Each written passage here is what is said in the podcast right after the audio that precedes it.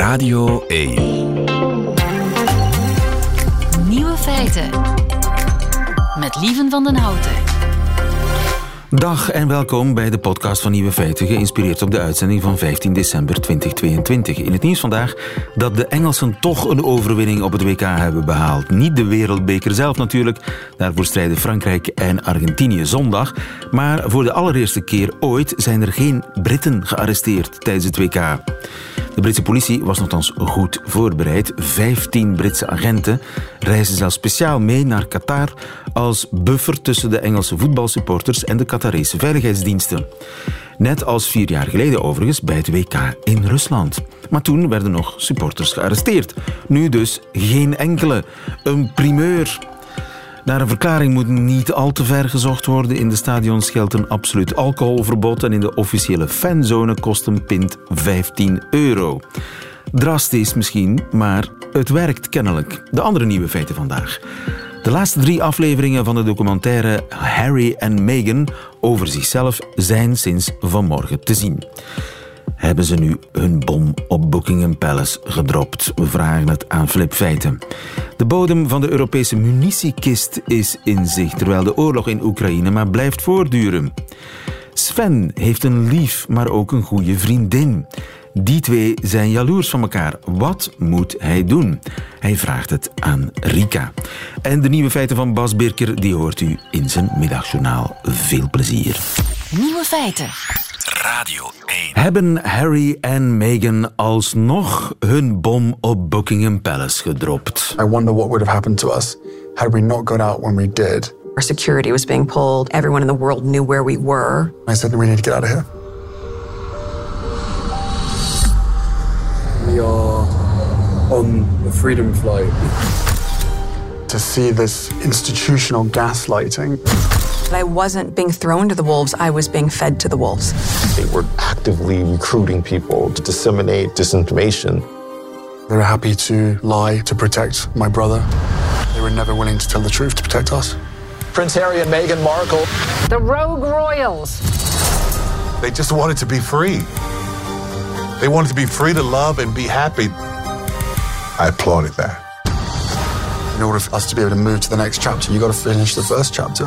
It gave us a chance to create that home that we had always wanted. I've always felt as though this was a fight worth fighting for.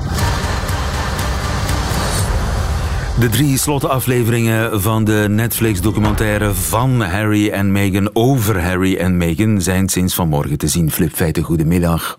Goedemiddag. Stoor ik je bij tv kijken, Flip? Eh, ik zit aan de laatste minuten. Als koningshuiskenner, jij hebt de hele ochtend tv kijkend doorgebracht. En zeg het maar, hebben Harry en Meghan hun grote bom gedropt, grote onthullingen gedaan die het koningshuis doen wankelen, ja of nee? Eh, een beetje.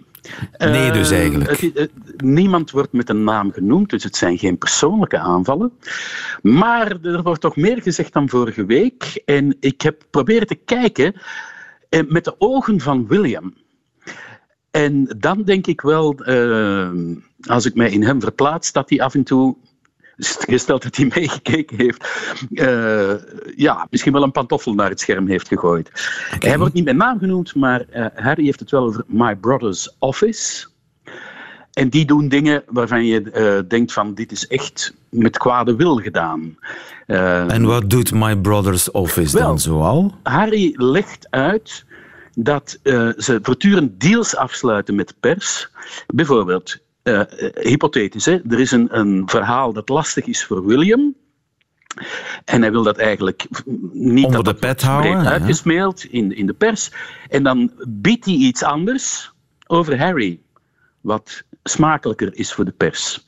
Dat is eigenlijk waar Harry eh, het, het, eh, Dat is het, het belangrijkste, de belangrijkste van, van William map. van beschuldigt. Ja, maar hij beschuldigt niet William zelf, maar Nee, his office, zijn bureau, zijn diensten. Zijn bureau, his office. Maar ja, natuurlijk, die dingen gebeuren niet zonder de toestemming van William. Dus hij noemt de naam van William niet, maar onder verstaan kan je wel zeggen, en zo zal het ook opgepikt worden door de Britse pers, daar kan je donder op zeggen, dat hij uh, William en dus het Koningshuis aanvalt. Ja, maar ook heel even heeft hij het over zijn broer zelf. Hè? It was terrifying to have my brother um, scream and shout at me and my father say things that just simply weren't true and, and my grandmother you know, quietly sit there and, and sort of take it all in. But you have to understand that from the family's perspective, especially from hers, there are ways of doing things, and her ultimate sort of mission goal slash responsibility is the institution. Ja, het instituut is haar, en dan heeft hij het over zijn grootmoeder, de Queen. Belangrijkste verantwoordelijkheid. Ik neem aan dat de scène die hij hier beschrijft, dat dat ging over ja, de ultieme samenkomst met de familie om te beslissen over die, eh, ja, die exit van hen. Hè? Ja, precies. Ja, hij zegt daar verschillende dingen over. Uh, hij zegt daarover um, dat ze gewacht hebben op het moment dat uh, Meghan terug naar Canada was en er dus niet bij was. Uh, waarvan uh, Meghan zelf zegt, dat doe je niet. Hè. Ik ben zijn vrouw, ik ben de moeder van zijn kinderen, ik had daarbij moeten zijn. Dat, dat veronderstelt ook al een beetje hè, manipulatie, wachten tot Meghan weg is. Want Harry gaan we gemakkelijker kunnen inpakken, hè, wordt dan gesuggereerd. Wat daar ook bij verteld wordt, dus er wordt geroepen, we krijgen een inkijk in hoe de, uh, de, familie met elkaar omgaat. En roepen in Groot-Brittannië is nog iets anders dan hier. Hè? Dat is het land van de stiff upper lip. Dus dat, is dat, is... dat er geroepen wordt uh, ten paleize, dat is eigenlijk al ongehoord. Ja, precies.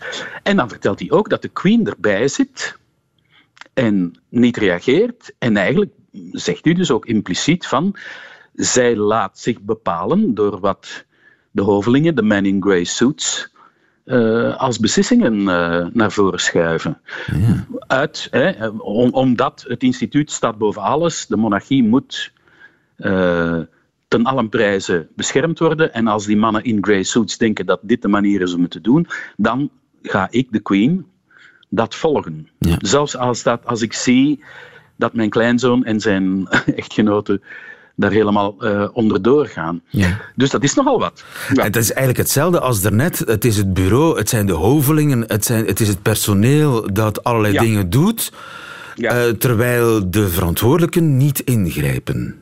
Precies. Dat is eigenlijk dus de, is, wat dus zijn is verhaal ook is. Een aanval op de verantwoordelijken natuurlijk. Ja, ja.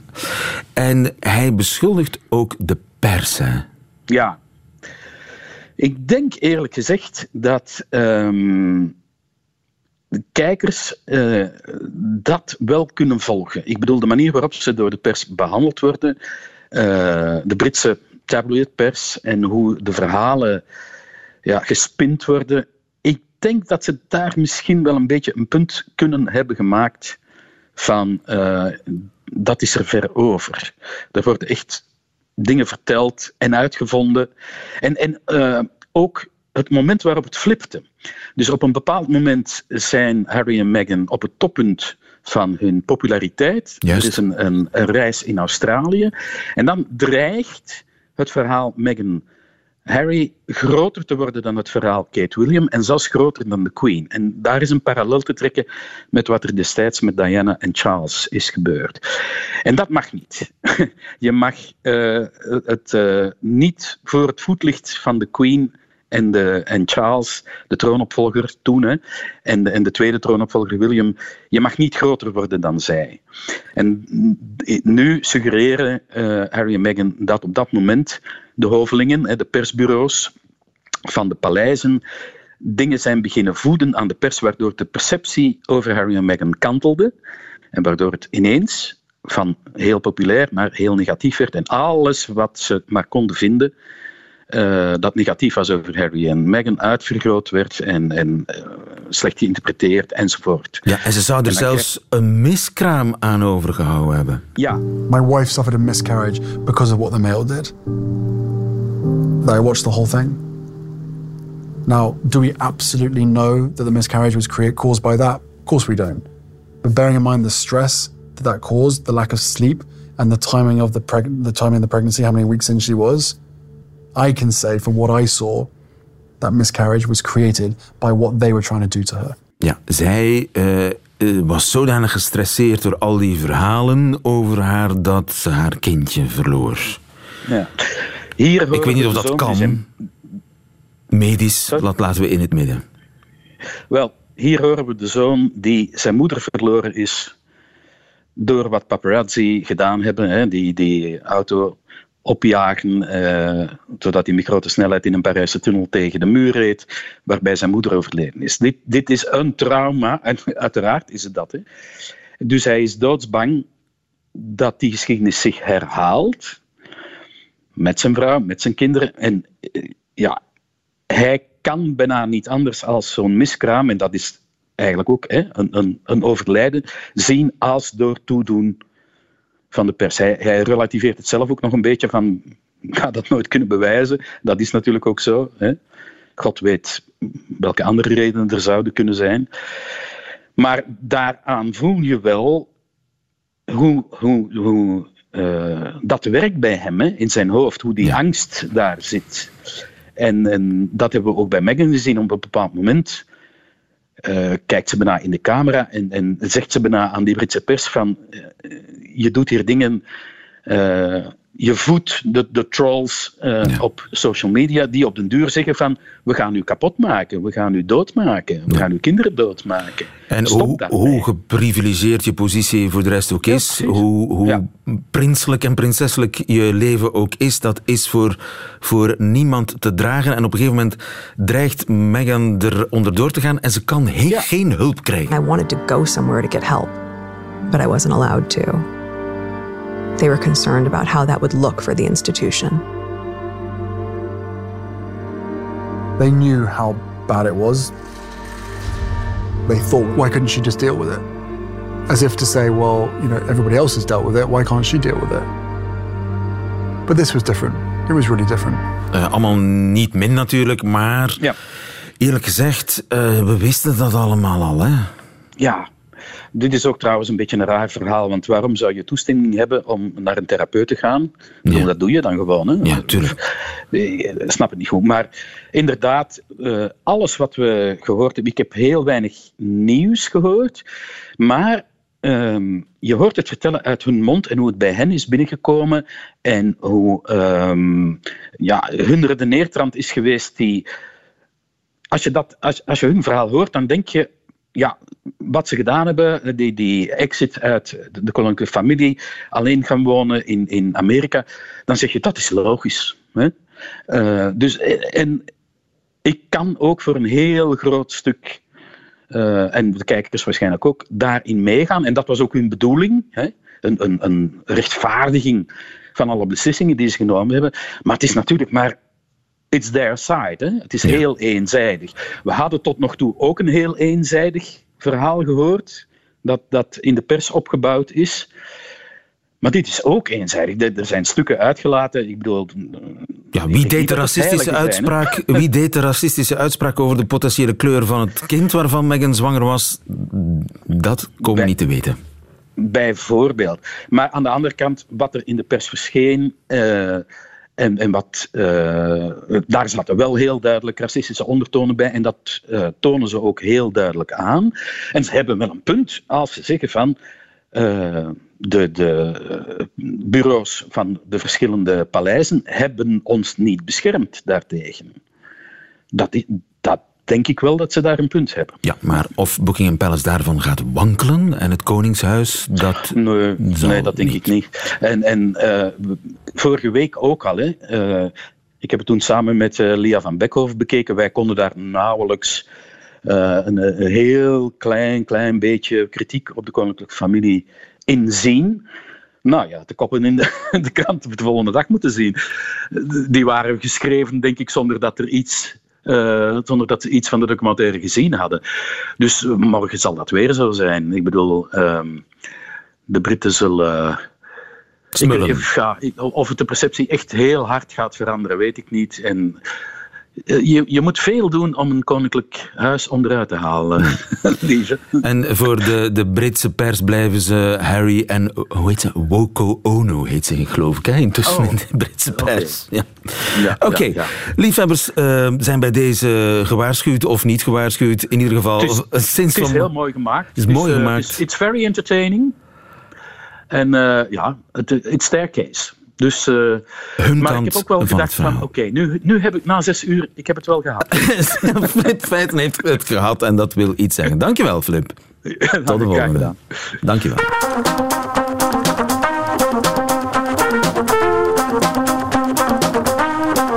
Nieuwe feiten. Radio 1. Nu de oorlog in Oekraïne blijft duren, komt stilaan de bodem van de Europese munitiekist in zicht. Jens Fransen, goedemiddag. Goedemiddag. Defensiespecialist van VRT Nieuws. Europa levert grote hoeveelheden munitie aan Oekraïne. Raketten, kogel- kogels, Granaten. granaten. Bommen. Hoe zit het met de voorraad? Slecht. Bijna op. Bijna op. Echt waar? Nadeel was eigenlijk, eh, we zijn aan, we zijn, Oekraïne is aan die oorlog begonnen toen het niveau van de artillerie eigenlijk al heel erg laag was. Eigenlijk waren we niet voorbereid op dit soort conflict. Je weet, 1989, de val van de muur, toen ging alles goed. Het vredesdividend, er is heel weinig geïnvesteerd in defensie, maar er is dus ook heel weinig geïnvesteerd in het onderhouden van die stoks. En dan begin je aan zo'n conflict en dan merk je plots, ja, de loodsen, de magazijnen stonden eigenlijk half leeg. Of de stoks die er lagen, bijvoorbeeld de stoks die wij in ons land hebben, ja, daar zat, daar zat eigenlijk munitie en granaten en raketten in die soms gewoon al over tijd waren. Oei. En hoeveel wordt er zo verschoten op een dag in Oekraïne? Oh, dat gaat over eh, honderdduizenden eh, kogels, gaat over duizenden granaten per dag. Natuurlijk, als je dat een tijdje moet volhouden, ja, dan merk je al snel, dan moet je gaan kijken van, eh, jongens, als onze stoks leeg zijn, ja, dan moeten we gewoon nieuwe dingen gaan kopen, zou je denken. Maar zo eenvoudig is het helaas niet. Ja, want hebben de fabrikanten nog stok? Wel, natuurlijk omdat er al die jaren lang heel weinig aangekocht is, omdat we er in Europa van uitgaan dat zoiets als een ouderwetse grondoorlog niet meer voorkomt, is er jarenlang heel weinig gekocht.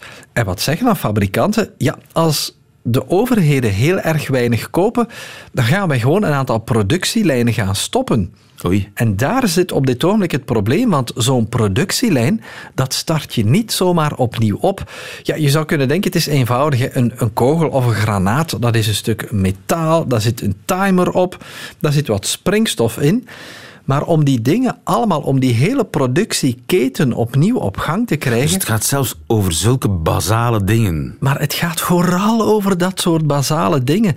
Want je moet dan opnieuw contracten gaan afsluiten. En het is een heel gesloten en relatief kleine markt in Europa. Bovendien ook nog eens een heel streng gereguleerde markt. Je kan niet zomaar gaan zeggen van kijk, we gaan een nieuwe wapenfabriek openen. Zoek eens een bedrijventerreintje ergens, hè, bu- ik zeg maar iets, ergens buiten Brussel of buiten Antwerpen. En daar gaan we nu uh, en masse militaire eh, dingen gaan beginnen maken. We gaan daar ook springstoffen gaan zetten. Nee, dat is een heel erg geregu- gereguleerde markt. hebben we trouwens nog veel wapenfabrieken in ons land? In ons land hebben we weinig FN, dat, FN zit in Wallonië, heeft nu ook een klein onderdeeltje in eh, Zutendaal. En voor de rest hebben wij vooral niche-spelers. hè. Denk dan aan elektronica, OIP-systems, dat soort dingen. Maar eigenlijk, zeker in Vlaanderen, in Wallonië nog een klein beetje. John Cockerill is ook nog een grote speler. Die maakt eh, eigenlijk de, de, de, de tankkoepels die je op Ja. tanks kan zetten. Dat, dat is zo nog die oude maar is daar nu alle hens aan dek? Nee, daar is het op dit ogenblik nog niet alle hens aan dek. Ik sprak met de CEO van John Cockerill, toch een van onze grootste eh, wapenspelers. En zij zijn een stukje aan het wachten op bestellingen. Want ook dat duurt allemaal. Dat heeft tijd nodig. Ja. Die bestellingen. Want je moet een openbare aanbesteding doen. Je hebt dan eh, de, de concurrentie moet kunnen spelen. En dan kan je uiteindelijk aanbestedingen gaan doen. Jeetje, en wat als het echt op is? Of, Ehm, of daar hebben, hoe, lang, hoe lang duurt het nog voor het allemaal echt op is? Wel, op, ehm, we, hebben nog wel even hoor. Want natuurlijk, je moet ervan uitgaan. ehm, de Europese legers hebben een aantal minimumvereisten die zij moeten aanhouden. Minimumvereisten die ze moeten aanhouden, omdat we daar afspraken over gemaakt hebben, en zowel ook op omdat- Europees stel- vlak en binnen NAVO. Stel je voor dat de oorlog uitbreidt, dat we plotseling zelf echt ook moeten eh, mee... Dan kun je niet zeggen, ja, maar we hebben alles al weg, weg, weggegeven aan de Oekraïners. Maar de- dat maakt het natuurlijk net zo complex. Hè? Dus de NAVO die, die, die maakt oefening en die kijkt van kijk, wat hebben wij als NAVO als minimum nodig als, als al als kracht. Hè. Wat hebben al die legers nodig, zowel als militair materieel, maar ook daarbij komend als munitie? Rekening houden met de dreigingen. En dat heet een dreigingsanalyse. En dus moet je gaan kijken, voor ons is, voor de NAVO is een van de grootste dreigingen Rusland. Maar natuurlijk, Rusland, de militaire zwakte op dit ogenblik, of de militaire sterkte van Rusland, die verandert van dag tot dag. Net omdat Rusland ook betrokken is in dat conflict met Oekraïne. Met andere woorden, als Rusland bij wijze van spreken vorig jaar een stok had van duizend raketten, het zijn er meer, hè, voor alle duidelijkheid, is dat vandaag de dag al heel wat minder. Dus moet je zelf gaan beginnen rekenen ook van, bon, stel dat uh, Rusland geen duizend raketten meer heeft, maar honderd, wat betekent dat voor de stoks die wij moeten aanhouden? Ah, ja. En kunnen wij een deeltje van onze stok richting Oekraïne sturen en dan zelf een beetje minder aanhouden? Want ja, Rusland heeft natuurlijk geen duizenden raketten meer.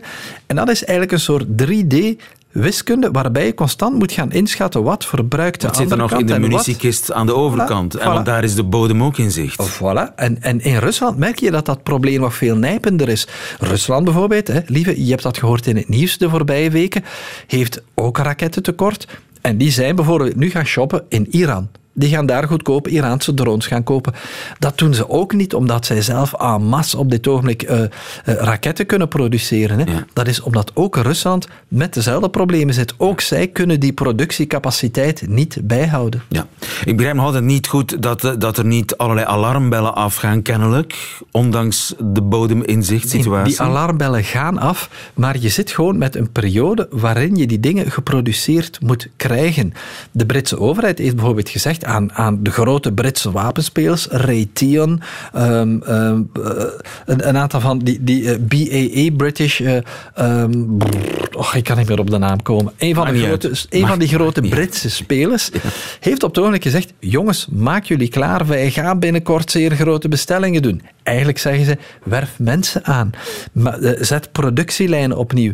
Maar natuurlijk zeggen die bedrijven dan, ja, maar ja, beste overheden, nu is er wel eens een oorlog in Oekraïne, dus wij willen wel een productielijn zetten. Maar als wij een productielijn willen zetten, komt dat met een kost, willen we daar winst op maken en dan willen we daar wel een aantal Garanties, jaren iets ja. mee, willen we wel garanties. En daar is dat natuurlijk moeilijk, hè. Eh, het gaat om bedrijven en die willen ook winst maken. En het gaat om zeer dure investeringen. Dus die bedrijven vragen op dit ogenblik van kijk Europa, jullie moeten misschien eens goed nadenken. Hoe gaan we dit de komende tien jaar aanpakken? Ook daar pokerspel. Een pokerspel, een soort economische logica natuurlijk. Hè. Als je als overheid wil bestellen en je wil plots heel veel bestellen, ja, dan zeggen die bedrijven, oké, wij willen dat wel doen, maar laten we wel eens verder kijken dan de komende zes maanden. Laten we eens kijken naar de komende vijftien jaar. Ja. Dus eh, we mogen verwachten toch dat er eh, op vrij korte termijn veel meer wapens zullen geproduceerd worden.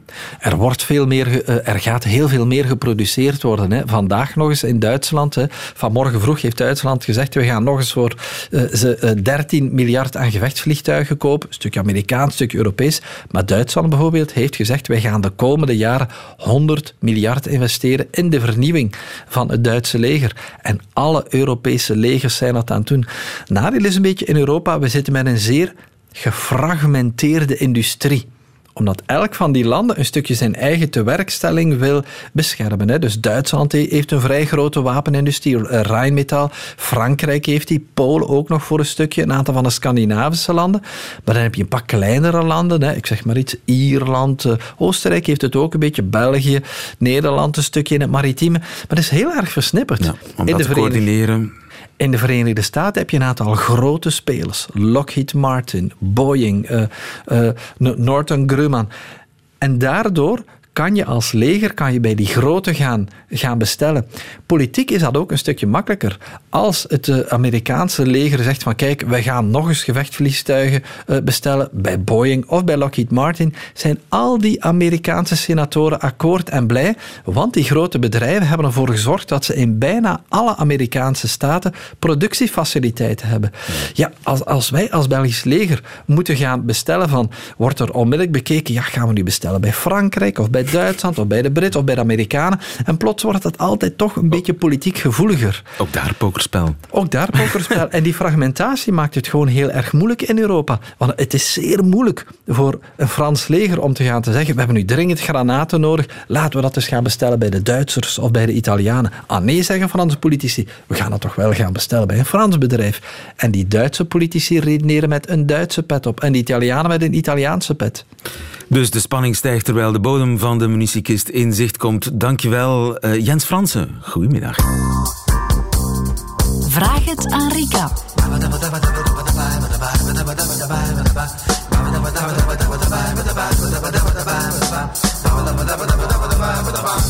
Een hele berg brieven voor Rika ligt hier voor mijn neus. Zal ik er eentje uitpikken? Goedemiddag trouwens, Rika Ponet. Goedemiddag. Onze donderdagse relatiedeskundige. Ik pak er een uit en het is een brief van Sven. Mhm. Eigenlijk is een man, hè? want veel vrouwen hè, vinden de weg naar uh, Vragen aan Rika. Sven. Sven schrijft, sinds bijna twee jaar heb ik een relatie met Linda. Onze relatie heeft veel positieve kanten. Als eerste noemt Sven goede seks. Mm is toch niet onbelangrijk, hè, Goede gesprekken, ontspannen tijd met elkaar doorbrengen, samen dingen doen en genieten van het leven. Voor die tijd was ik op enkele korte relaties na single, gedurende 25 jaar. Ging prima, maar de nood om het leven met iemand te delen heeft me tot deze relatie aangezet. En ik ben er heel blij mee. Good for you, Sven. Ja. Maar in mijn periode als single heb ik ook een vriendschap opgebouwd met Petra, waarmee ik doorheen de tijd veel heb gedeeld. Een liefdesrelatie was dit niet, omdat ik me nooit tot haar heb aangetrokken gevoeld. Omgekeerd was dat wel het geval. Mhm. Via mij heeft ze haar man leren kennen. Oeh, dat is ook betekenisvol. Petra doorgegeven. en samen hebben ze twee kinderen. Zo ontstond er een dynamiek waarbij ik voor een deel een rol vervulde die haar man niet altijd spelen kon. Zolang ik single was, gaf dit geen problemen, maar nu liggen de zaken anders. Linda voelt zich door haar niet gerespecteerd. Er is een dynamiek ontstaan waarin ik conflicterende loyaliteiten moet zien te verzoenen. Waarin jaloezie, antipathie langs beide kanten opspelen.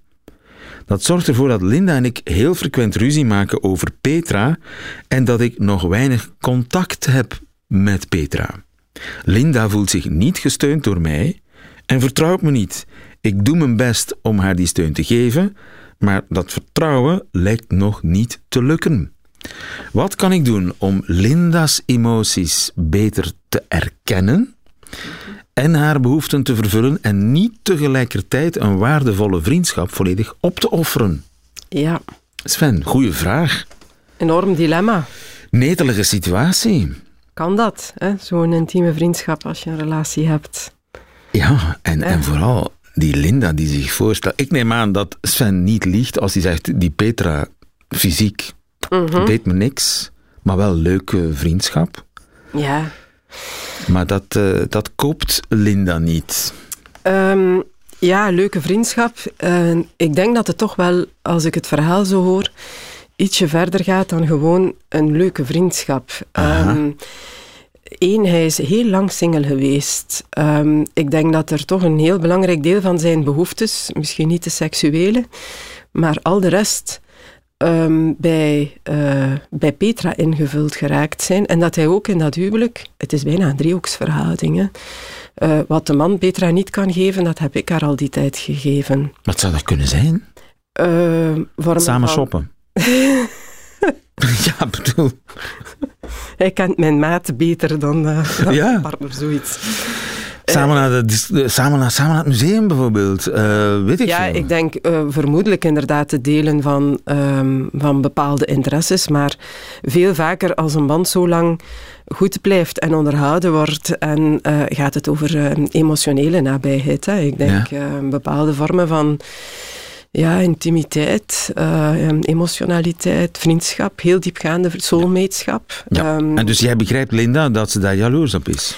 Uh, dat ze dat als een bedreiging ervaart. Hè. Vaak um, analyseren we het vandaag als er geen seksuele interesse is, dan hoeven we ons toch niet bedreigd te voelen. Maar een relatie heeft wel wat meer dimensies. Als het gaat over de brede intimiteit in een relatie, zit dat aspect um, ja. er zeker ook bij. Nu, um, ja, waarom zij tot op vandaag nog jaloers is, heeft veel ook te maken, en als ik het goed hoor, um, is hij maar beginnen afstand nemen van Petra op het moment dat zijn contact met uh, Linda al onder druk stond. Hè. Zij kan het niet hebben. Ja. Um, en onder die druk is hij beginnen afstand nemen van, um, van de anderen. Ja.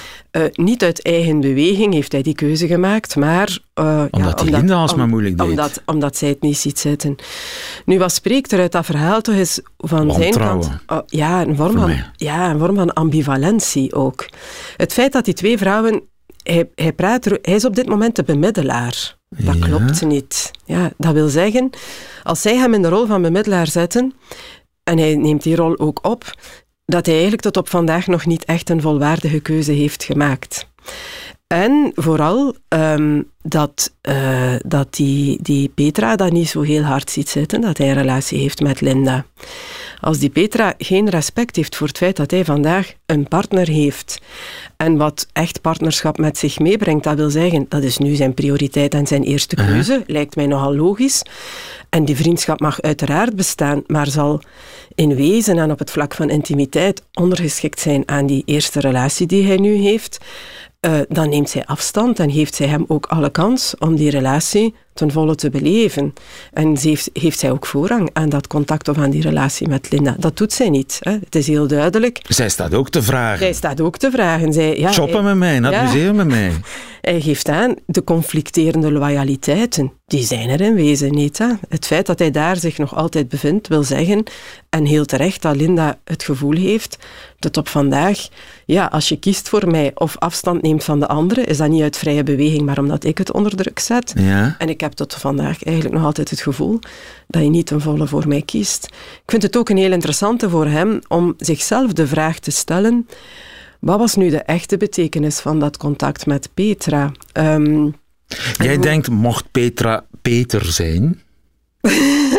dat, de, dat de situatie totaal anders is. Mocht dat een man zijn waar hij uh, een, een, een ja, intieme vriend... Absoluut. Dan zou dat echt anders zijn. Dan zou dat echt anders zijn. Zeker dus weten. een vriendschap tussen een heteroseksuele man en een heteroseksuele vrouw, dat is echt anders dan een vriendschap tussen twee heteromannen. Een stuk wel, maar zeker in dit verhaal. Het feit dat hij 25 jaar als single door het leven is gegaan en volgens mij zijn emotionele behoeftes bij die vrouw die een relatie of een huwelijk had, dat hij daar niet voor gekozen heeft, dat heeft een hele grote betekenis. Dan is misschien aan zijn kant belangrijk om de vraag te stellen. Um, waarom heb ik in der tijd, ik kan wel zeggen, ik voelde mij daar niet toe aangetrokken. En terzelfde tijd blijf je wel heel lang in dat verhaal meezitten. Het, het was een soort seksloze huwelijk. Ja, en misschien ook. En die kunnen heel sterk zijn. Heel sterk. Ook een vorm van angst om tot volledige verbinding te gaan met iemand. En zit hij nu eigenlijk weer in zo'n soort van padstelling? He, dat hij uh, zich maar intiem kan verbinden met een vrouw die eigenlijk ook getrouwd is. Hè, en waar hij niet de volledige intimiteitsverantwoordelijkheid dus de, de, de, voor draagt. De splitsing zit in zijn hoofd. Zit in zijn hoofd, naar mijn gevoel. Hij wil die dingen eigenlijk een beetje splitsen. Ja. Uh, uh, nu gaan we heel ver in speculeren, want we hebben een ja, brief hè, waar ja, we ons op baseren. Maar toch, ik vind 25 jaar een hele lange tijd. En 25 jaar zo'n relatie en zo'n driehoeksverhaal volhouden, een hele lange tijd. En het feit dat hij daar nu opnieuw in vastloopt en eigenlijk niet in staat is om nu ook opnieuw... Wat hij nu doet is seksueel kiezen voor iemand, maar niet emotioneel. Want hij zit nog altijd met een heel groot been in dat andere verhaal. Dus het enige wat jij zegt is kies. Kies, absoluut. En het zal maar tot rust komen of het zal maar gaan liggen als uh, de vrouw waar hij nu mee samen is echt ook het gevoel heeft en dat in de tijd ook heeft. Het is de mijn. Ja, hij kiest voor mij. Hij ziet mij als prioritair. En dat wil niet zeggen, hij moet de anderen afwijzen. En hij moet ook vragen aan uh, Petra, um, het is belangrijk dat ik nu voor Linda kies. En Ja. eh, dat betekent dat ons contact wat meer op de achtergrond zal komen. Dat is eenmaal de Hij hoeft het plaats. niet te verbreken. Hij hoeft dat niet te verbreken. Maar die keuze moet wel duidelijk zijn. En ik heb vandaag niet het gevoel dat die keuze in zijn hart duidelijk is. Sven, knoop het in je oren. Zijn er nog vragen voor Rika? Laat ze komen op nieuwe feiten uit radio1.be. Radio 1. Nieuwe feiten. En dat waren ze meteen de nieuwe feiten van vandaag, 15 december 2022. Alleen nog die van Bas Birker krijgt u nog in zijn middagjournaal. Nieuwe feiten. Middagjournaal. Liefste landgenoten, er gaat niets boven Groningen. Dat is de slogan van Nederlands noordelijkste provincie. U kent het wel, dat stuk platteland waar je stopt voor koffie op weg naar Kopenhagen, omdat je dan precies halverwege bent. Ik mocht er gisteravond spelen. Mogen betekent een werkdag in de auto zitten om een half uur moppen te tappen en met verlies thuis te komen. Top bedrijfsplan. Het was na achten toen ik Groningen naderde. En toen zag ik het. In de lucht hing een soort gloed. Het was groenig, vaag en helder tegelijkertijd en het leek een soort golvende beweging te vertonen. Alsof God zelf het bed aan het verschonen was. God hoeft niet in het dekbed overtrek te kruipen, die heeft opgelet bij de huishoudlessen van zijn moeder, Yahweh. Ik wees naar de groene gloed in de lucht en vroeg aan mijn bijrijder of we geen afslag hadden gemist. Hoezo? vroeg hij. Volgens mij zien we het noorderlicht, zei ik, licht geëmotioneerd. Dat, zei hij, of het voetbal is begonnen. Verrek, voetbal. Na twaalf jaar in een land vol rolluiken ben ik niet meer gewend aan strooilicht uit huiskamers. En al helemaal niet nu iedereen een televisie heeft met de grootte van een aardbeikweker in Hoogstraten en dito lichtopbrengst. Ik dacht met weemoed terug aan 21 juli 2012. Op die dag speelde ik in jeugdhuis De Chepap in Weelde. De gelegenheid was Parking Rock. U vermoedt het al. Een festival op de parking van het jeugdhuis. Wat een wilde. Op het buitenpodium stond de Gies Swinneband omdat Parking Rock de scaps niet kon betalen. Naast het podium stond een lichtkrant op een aanhanger met reclame voor de lokale Suzuki-dealer. Die verlichtte in zijn eentje het hele festivalterrein en aangezien dat maar een parking groot was, nam hij gelijk de regio Ravels, Turnhout, Leuven mee. Bovenaan het podium hingen zes tv-schermen met daarop de live-registratie van het optreden eronder. Pak dat surrealisme even vast. Het optreden dat zich live en op ware grootte op maximaal 20 meter van de bezoekers afspeelde, werd gefilmd en uitgezonden op dat podium, maar dan kleiner. Zo kon iedereen zich toch op een echt festival wanen, want op tv zag je de band alleen in de verte. Ik reed vannacht urenlang door de polders naar huis. Er was een meteorietenregen en ik heb twaalf vallende sterren gezien. Twaalf keer heb ik hetzelfde gewenst. Een beetje minder lichtvervuiling en een beetje meer wilde. Ook al zouden ze daar waarschijnlijk op hun telefoon kijken naar een video van vallende sterren. Kijk, Lionel Messi. Zo, van zijn voetstuk.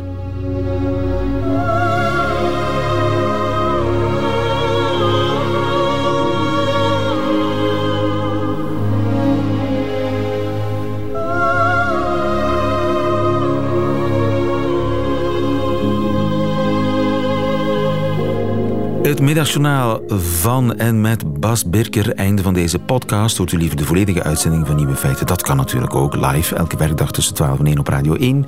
Of on demand via de Radio 1 app of website. Tot een volgende keer.